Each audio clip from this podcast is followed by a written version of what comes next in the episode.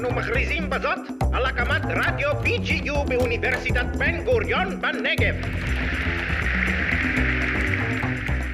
מרכז סימון וייל ללימודי אירופה באוניברסיטת בן גוריון בנגב. גאים להציג? מדברים אירופה.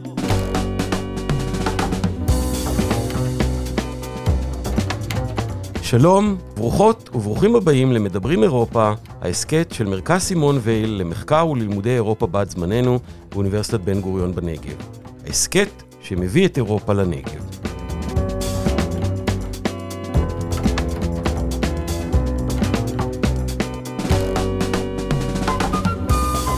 בחודש מאי 2019 ערכה ישראל את תחרות הזמר של האירוויזיון בהשתתפות 41 מדינות.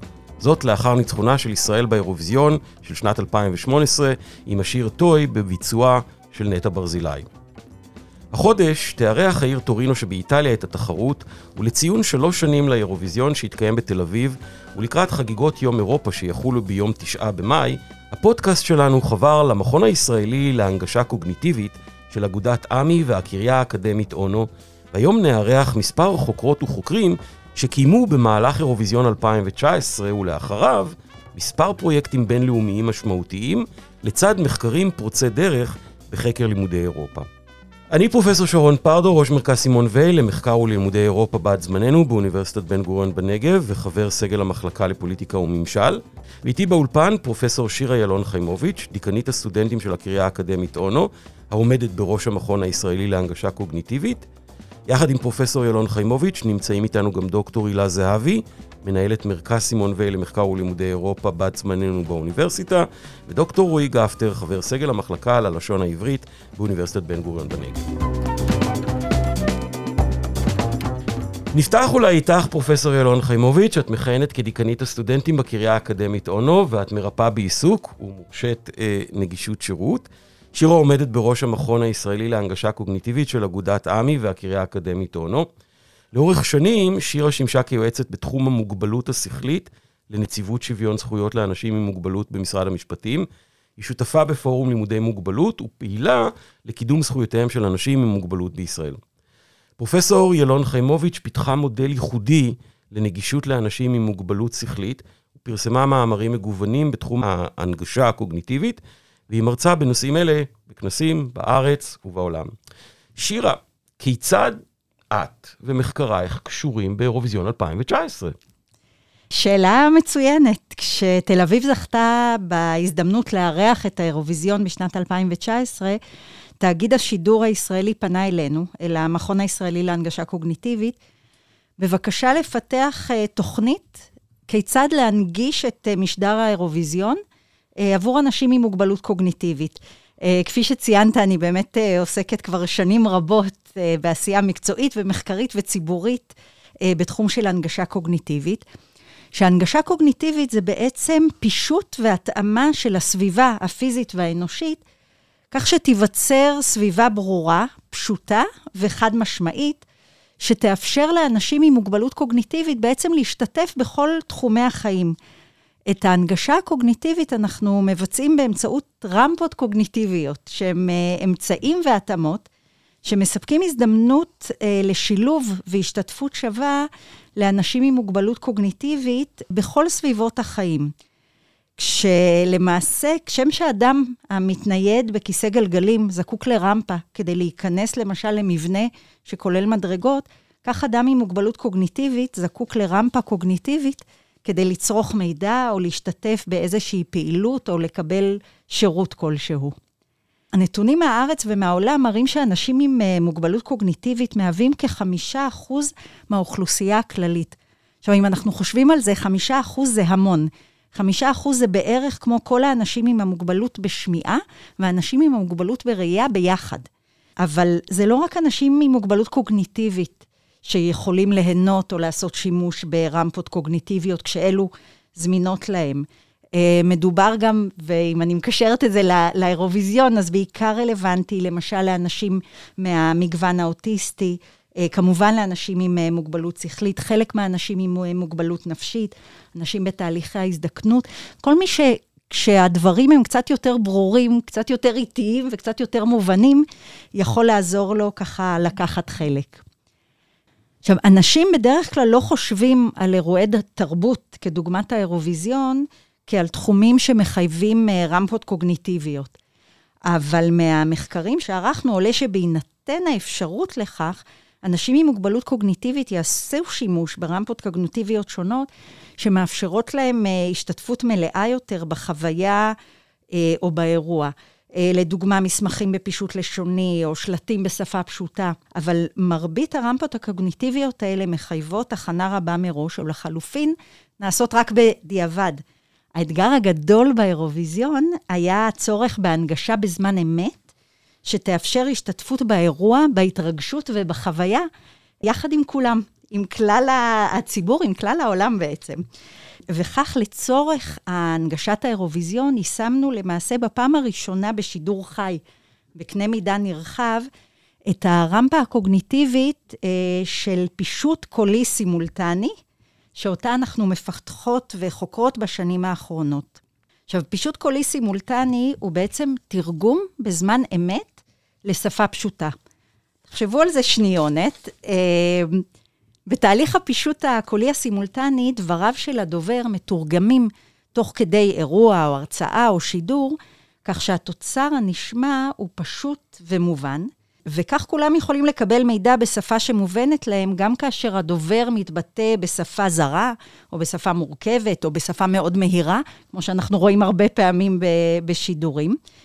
כשבפישוט סימולטני אנחנו מבצעים בו זמנית עריכת תוכן, התמקדות ברעיונות עיקריים, השמטה של מידע שלא תורם ישירות להבנת המסר, והוספת מידע שהוא חיוני להבנת המסר, אה, וכמובן גם התאמה של אוצר המילים והתאמת המבנה הלשוני, ואת כל זה אנחנו עושים בזמן אמת.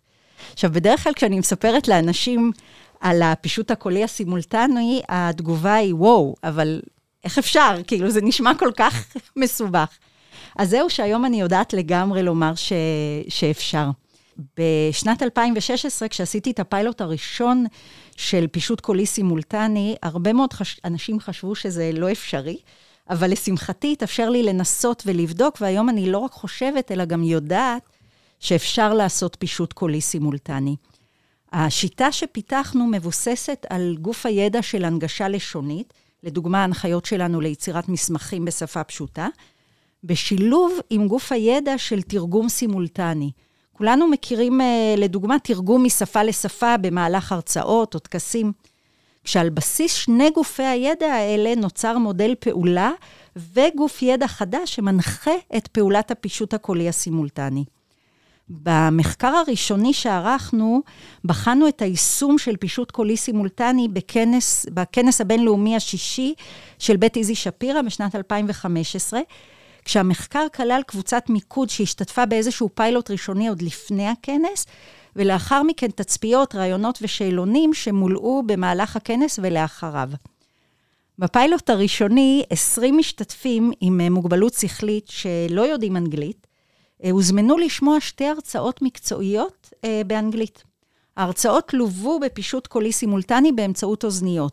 כלומר, בזמן שהמרצות העבירו הרצאות מקצועיות באנגלית, המשתתפים למעשה שמעו אה, אותי מדברת אליהם בשפה פשוטה בעברית. בבדיקה שנערכה אה, לאחר ההרצאות, המשתתפים לא רק התייחסו מיוזמתם באופן קוהרנטי לתכני ההרצאות, אלא גם יכלו לענות על שאלות שנוגעות לתכנים האלה, ואני מזכירה שמדובר על אנשים עם מוגבלות שכלית ששמעו הרצאה אה, מקצועית שמיועדת אה, לאנשי מקצוע. עכשיו, בכנס עצמו, אה, גם בהרצאות המליאה וגם אה, בחלק מההרצאות במסלולים הייעודיים, המשתתפים קיבלו אוזניות שדרכם הם יכלו להאזין לפישוט קולי סימולטני. במחקר, ש...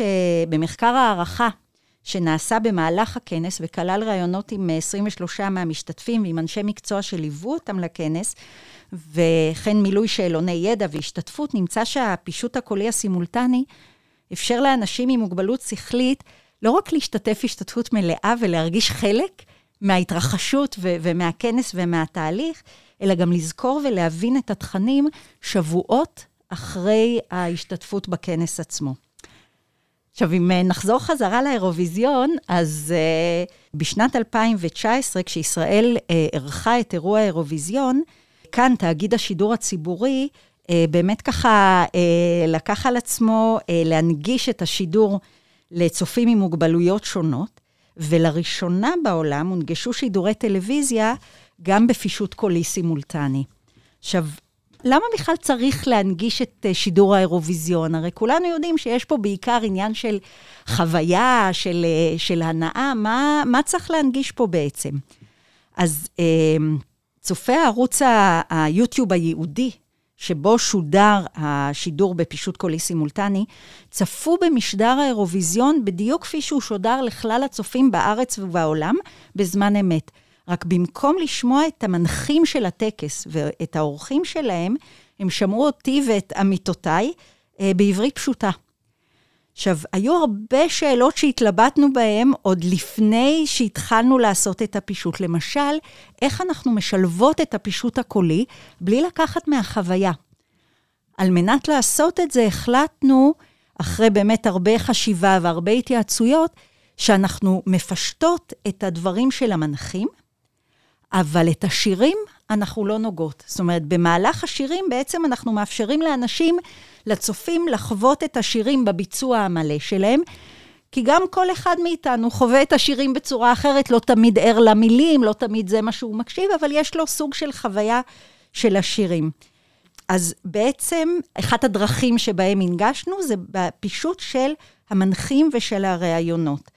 אחד האתגרים הגדולים היה למשל, איך אנחנו אה, לא מניחות אה, ידע עולם קיים. לדוגמה, באירוויזיון תמיד יש לנו את הגלויות האלה, הסרטונים שמראים על כל מדינה. לא תמיד אומרים איזו מדינה זו, לפעמים רק למשל מראים את מגדל אייפל, בהנחה שכולם ידעו שמדובר על צרפת. במקרה של אנשים עם מוגבלות קוגניטיבית, אנחנו לא בהכרח יכולות להסתמך שיש את ידע העולם הזה, אנחנו צריכות לתווך אותו, אנחנו צריכות להוסיף את המידע הזה. ואולי האתגר הכי גדול שלנו היה איך אנחנו מנגישות את uh, תהליך הדירוג.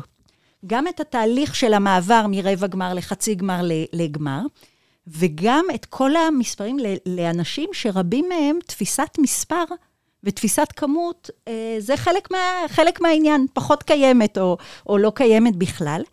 ואז באמת, כדי להגיע לזה, עבדנו עם קבוצת יועצים, שהיועצים שלנו הם אנשים עם מוגבלות קוגניטיבית. אנחנו עובדות ככה בכל הפיתוח של הרמות הקוגניטיביות שאנחנו עושות. ואנחנו עשינו איתם כמה דברים. עשינו איתם למשל עבודה למילון מושגים. ביררנו איתם, בדקנו, האם אפילו המונח עצמו של האירוויזיון הוא מוכר, מונחים כמו דוז פואה, מונח מאוד שכיח באירוויזיון, האם אנחנו יכולות להתייחס אליו כמונח שאפשר להשתמש בו, שצריך להסביר אותו. להסביר על מה מדובר. אה, חצי גמר, גמר, הדמויות של המנחים. אסי וארז ו- ובר ולוסי, האם הן מוכרות, האם הן פחות מוכרות, כדי לא להסתמך על, על אה, דברים אחרים. ובדקנו את זה בין היתר באמצעות שימוש בדוגמה של אירוויזיון קודם, והצגת הפישוט בתוכו, ובאמת מתוך זה, על בסיס התהליך המקדים שעשינו עם אותה קבוצת יועצים עם מוגבלות קוגניטיבית, עשינו באמת הרבה שינויים לקראת המשדר עצמו. הכנו לעצמנו גם אה, מילון מושגים מאוד uh, uh, מפורט, ומצאנו את אותם המקומות שבהם נכון היה להסביר. לדוגמה, וזה אני מניחה דבר שלא כך חושבים עליו, אחת הדרכים שבהם סימנו את המדינות היה באמצעות התאורה לפני שכל מדינה נכנסה לבמה. זו תאורה שהראתה בעצם את הדגל, את צבעי הדגל של אותה מדינה. זה משהו שלא בהכרח אנחנו יכולים להניח שהוא מובן, ולכן את כל המקומות האלה אנחנו אה, טיווחנו. עכשיו, באמת מבחינת הביצוע עצמו, אה, כאמור, הצופים צפו במשדר הרגיל ורק שמעו אותנו. כשאת הפישוט הקולי הסימולטני של משדרי האירוויזיון אנחנו ביצענו בשיתוף עם אה, ישראיק, שזה הארגון הישראלי של מתורגמני ועידות, אה, שחלק מאנשיו עברו אצלנו הכשרה לפישוט קולי סימולטני. כשבבדיקה של תאגיד השידור נמצא שכ-70 אלף צופים הסתייעו בערוץ של הפישוט הקולי. אמנם לצערי, אה, לא יכולנו לעשות מחקר הערכה שבדק את ההנגשה בזמן האירוויזיון עצמו, אבל המספר הגדול של צופים בערוץ המונגש היהודי יכולה להעיד על הצורך והביקוש להנגשה מסוג זה. והמחקרים והפרויקטים שעשינו מאז האירוויזיון מעידים על כך שפישוט קולי סימולטני הוא אמנם לא פשוט, הוא דורש ידע, הוא דורש הכשרה ומומחיות, אבל הוא בהחלט אפשרי. אפשר לעשות את זה, ולא רק שאפשר לעשות את זה, אלא שכדאי לעשות את זה. כדאי לכולנו כחברה, כדי באמת לאפשר לכל האנשים בחברה לקחת חלף ולהשתתף וליהנות. שירה, זה, זה, זה פשוט מדהים שזה ידע שנצבר בעקבות אירוויזיון 2019 והניסיון שרכשתן.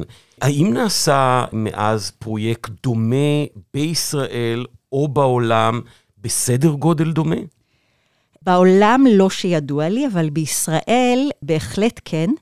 בהמשך למשדר האירוויזיון, לאחר מכן, אנחנו הנגשנו בפישוט קולי סימולטני את כל משדרי הבחירות, והיו לנו כמה וכמה כזכור. צברתי ניסיון צברנו רב. צברנו ניסיון רב במשדרי הבחירות, ובתחילת תקופת הקורונה, שלא צריכה ל, ל, לפרט שלכולנו, לכל המדינה, הייתה תקופה מאוד מלחיצה, מאוד אה, אה, ככה, עם הרבה אי-ודאות, עם הרבה שאלות והרבה אי-ידיעה, אנחנו במשך חודש שלם בתמיכה, בשיתוף פעולה עם קרן רודרמן, ובמסגרת שידורי כאן, תאגיד השידור הציבורי, אנחנו במשך חודש שלם הנגשנו את מהדורות החדשות. בכל ערב הייתה מהדורת חדשות שלוותה, בדומה לאירוויזיון, לוותה בערוץ ייעודי בפישוט קולי סימולטני.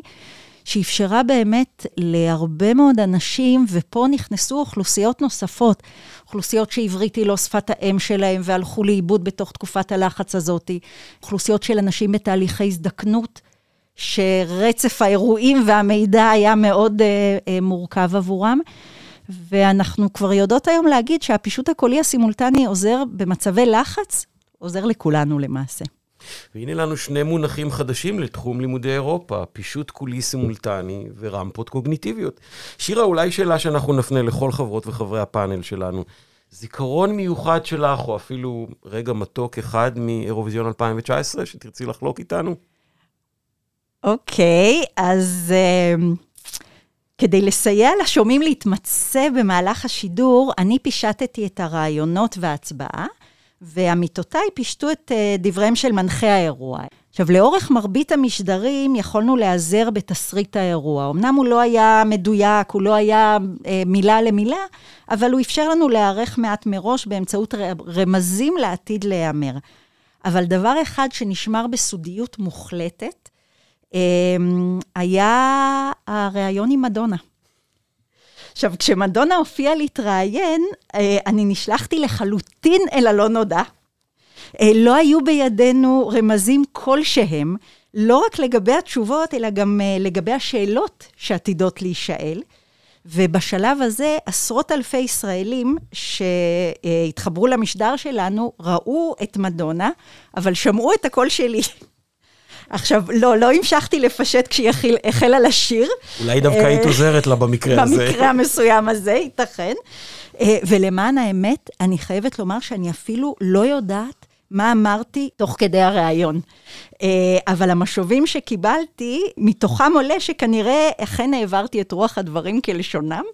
ובן זוגי אה, אמר שהיה לו מאוד מאוד מוזר לראות את מדונה ולשמוע את הקול שלי מאחוריה. אז וואו, אז תודה לך, מדונה ילון חיימוביץ'. ונעבור, אה, מכאן אני מבקש להפנות את הזרקור אה, לאירוויזיון 2019 ולמחקרים סוציו-בלשניים.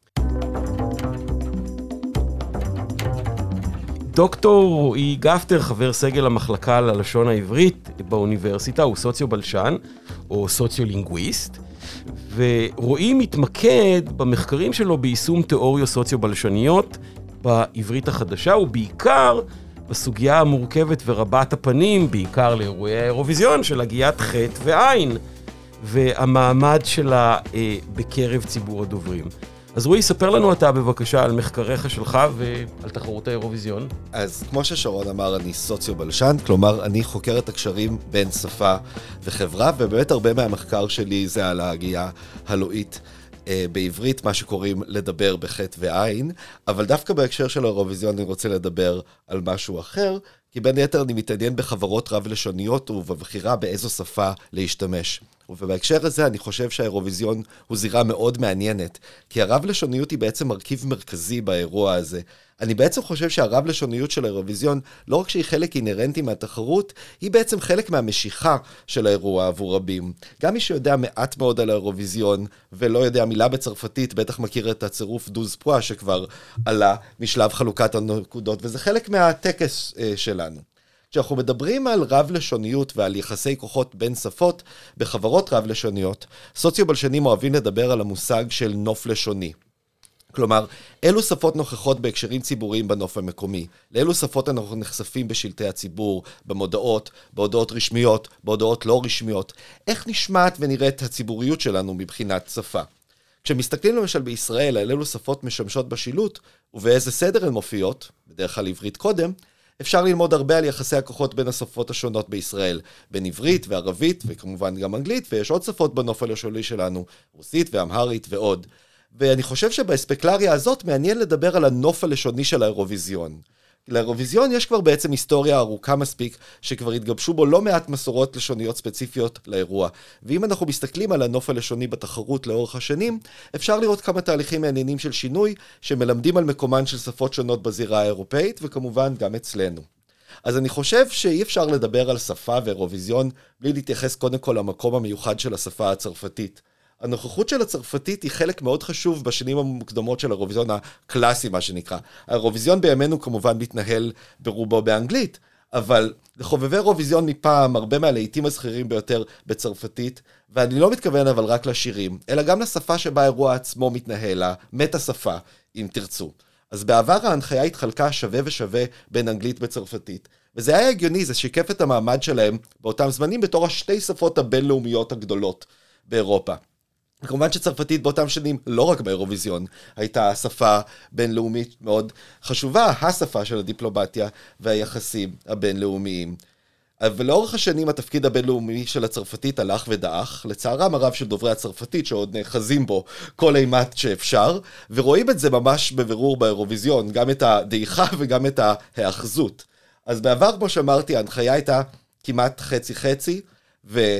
אני חושב שרבים עוד זוכרים לטובה את הצרפתית המשובחת של ירדנה ארזי, שהנחתה בירושלים ב-79, וכמובן שבשלב הקראת הנקודות היו אומרים את התוצאות גם וגם, United Kingdom, 12 points, רואי יומיני, דוז פואה, אני עוד זוכר כילד, אמרתי, למה לאנגליה שם כל כך מוזר בצרפתית? לא הבנתי שזה הממלכה המאוחדת. היום הצרפתית עוד שם, אבל היא מבליחה לרגע כמעין מס שפתיים. אז תמיד בפתיחה אחד המנחים עדיין אומר כמה מילים בצרפתית. אבל ברור שאין לזה שום תפקיד תקשורתי כעת, בניגוד לדברים ששירה דיברה עליהם. מי שלא יודע אנגלית, השורה הזאת בצרפתית לא תעזור לו. כן, אז בעבר באמת השימוש באנגלית ובצרפתית היה קומוניקטיבי. ההנחה הייתה שהצופים מהמדינות השונות ידעו אחת משתי הצפות האלה, לא בהכרח אנגלית. כיום, מי שלא מבין צרפתית אמרנו, זה לא יעזור לו, אבל הצרפתית היא עדיין חלק מהטקס, היא מעין קישוט שלא מוותרים עליו. ולפחות עכשיו, באמת עוד אי אפשר, אני חושב, לדמיין אירוויזיון שהוא לגמרי נטול צרפתית. כאמור, הדוז פרו הזה הוא ממש חלק מהעניין. אבל מי יודע, גם זה יכול להשתנות. ובהקשר הזה מעניין לומר שבעוד שהאירוויזיון משמש הרבה פעמים כהזדמנות למדינה המארחת להציג את עצמה בפני העולם, ואף ליחצן את עצמה, דווקא לשפה המקומית של המארחת כמעט אין שום מקום. לא משנה איפה שהאירוויזיון נערך, הוא יהיה באנגלית עם קצת צרפתית. אתם יכולים להיות בטוחים שישראל הייתה דוחפת הרבה עברית אם זה היה נהוג באירוויזיון, אבל זה לא. אבל למארחת עדיין יש קצת הזדמנות להתגאות בשפה שלה, למשל ברכת הפתיחה שהיא מסורתית בשפת המקום.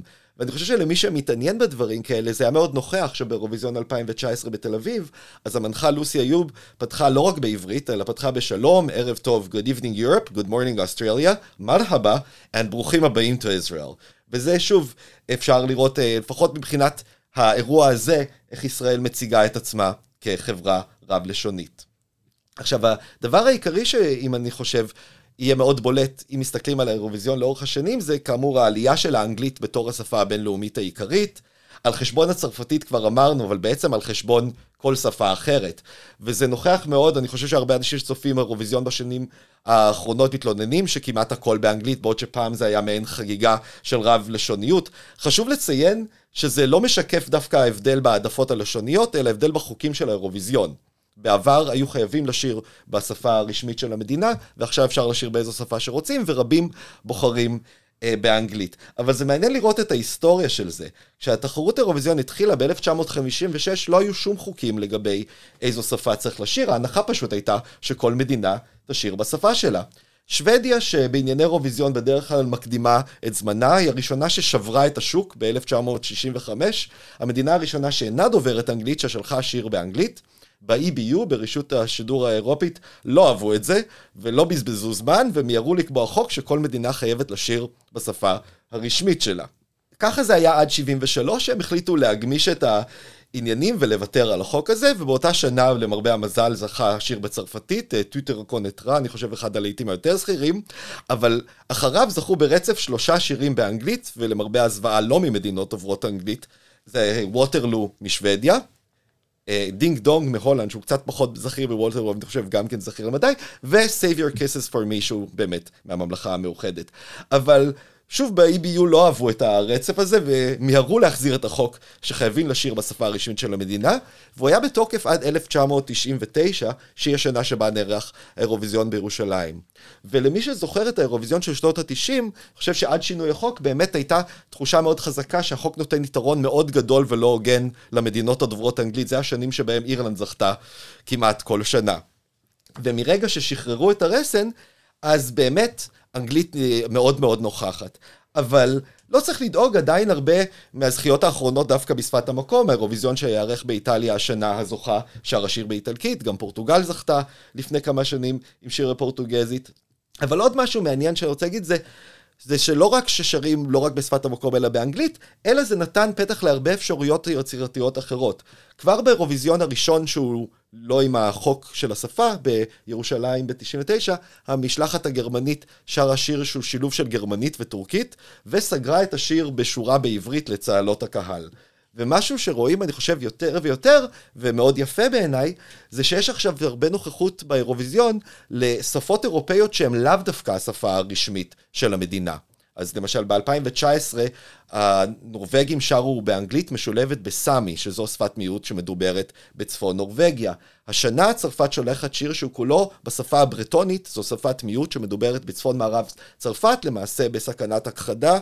והזכייה האחרונה של אוקראינה, ג'מאלה ב-2016, הייתה באנגלית, אבל בשילוב עם טטרית, השפה של חצי האי קרים. ואני חושב שלהרבה מאוד מהצופים, זו בעצם החשיפה הראשונה לשפות האלה. אולי אפילו לא יודעים שיש בצרפת עוד שפות חוץ מצרפתית. וכך יוצא שהאירוויזיון כיום גם נותן חלון לעושר הלשוני המקורי של אירופה, שממש לא משתקף במפת השפות הרשמיות של המדינות. מרסי בוקו, אה, רועי. אה, ספר לנו גם אתה על אה, אירוע מיוחד, מתוק, זיכרון מיוחד מאירוויזיון 2019 שלך? טוב, אז כמו שכבר ניחשתם, אני מאוד אוהב רב-לשוניות, ובמצעד המשלחות בישראל, ואני חושב שזה היה מאוד יפה מצד המארגנים הישראלים, את הערב טוב לכל משלחת אמרו בשפה המקומית, אז זה היה כזה Good evening United Kingdom, Bonsoir France וכך הלאה, לא ננסה לזכור איך זה עבד בכל השפות האחרות, אבל אני חושב ששם באמת היה מין אה, הכנסה כזאת של שוב, אה, לשבור קצת את עניין האנגלית-צרפתית ולעשות את זה באמת חגיגה של רב-לשוניות. אני קצת קיוויתי בלב שזה יהפוך למסורת, אבל ההולנדים לא אימצו את זה. נראה מה יהיה באיטליה השנה. תודה, רועי. במרכז סימון ואל למחקר וללימודי אירופה בת זמננו באוניברסיטת בן גוריון התבצעו בעבר ומתבצעים בהווה מספר מחקרים אה, בהקשר של אירוויזיון 2019 בפרט ולתחרות האירוויזיון בכלל. דוקטור הילה זהבי היא מנהלת מרכז סימון ואל באוניברסיטת בן גוריון והיא מרצה באוניברסיטה הפתוחה. במחקרים של הילה מתמקדת ביחסי ישראל והאיחוד האירופי, פרויקט האינטגרציה האירופית ובברית נאט"ו. שני גופים שרלוונטיים מאוד בימים אלה בזירה האירופית. אבל היום אנחנו נבקש מהילה שתספר לנו גם היא על המחקרים שלה בנושא אירוויזיון 2019, וכיצד את מתחברת לאירוויזיון בכלל. תודה רבה, שרון. אה, אז המחקר שאני אדבר עליו נערך בשיתוף עם פרופסור גל אריאלי מהמחלקה לפוליטיקה וממשל באוניברסיטת בן גוריון. Uh, המחקר שפורסם ב-21 בכתב העת national identity uh, בחן את ההשפעה של אירועי שיא שמכונים מגה איבנטס כמו התחרות האירוויזיון על הסנטימנט הציבורי בנושא של זהות לאומית. אה, אז האירוויזיון, כמו אירועי ספורט גדולים, הוא נחשב בספרות המקצועית למגה איבנט, לאיזשהו אירוע תרבותי שמשנה מגמות בזהות, בנרטיבים של מדינות אה, ובלאומיות שלהן. אז המחקר הראה שוני משמעותי ברמת ההזדהות והזהות הלאומית לאחר התחרות אל מול המדדים שלפני התחרות, בין הקבוצה שבחרה לצפות באירוויזיון ונחשפה לתכנים שלו, לבין הקבוצה שלא צפתה ולא נחשפה לתכנים של התחרות.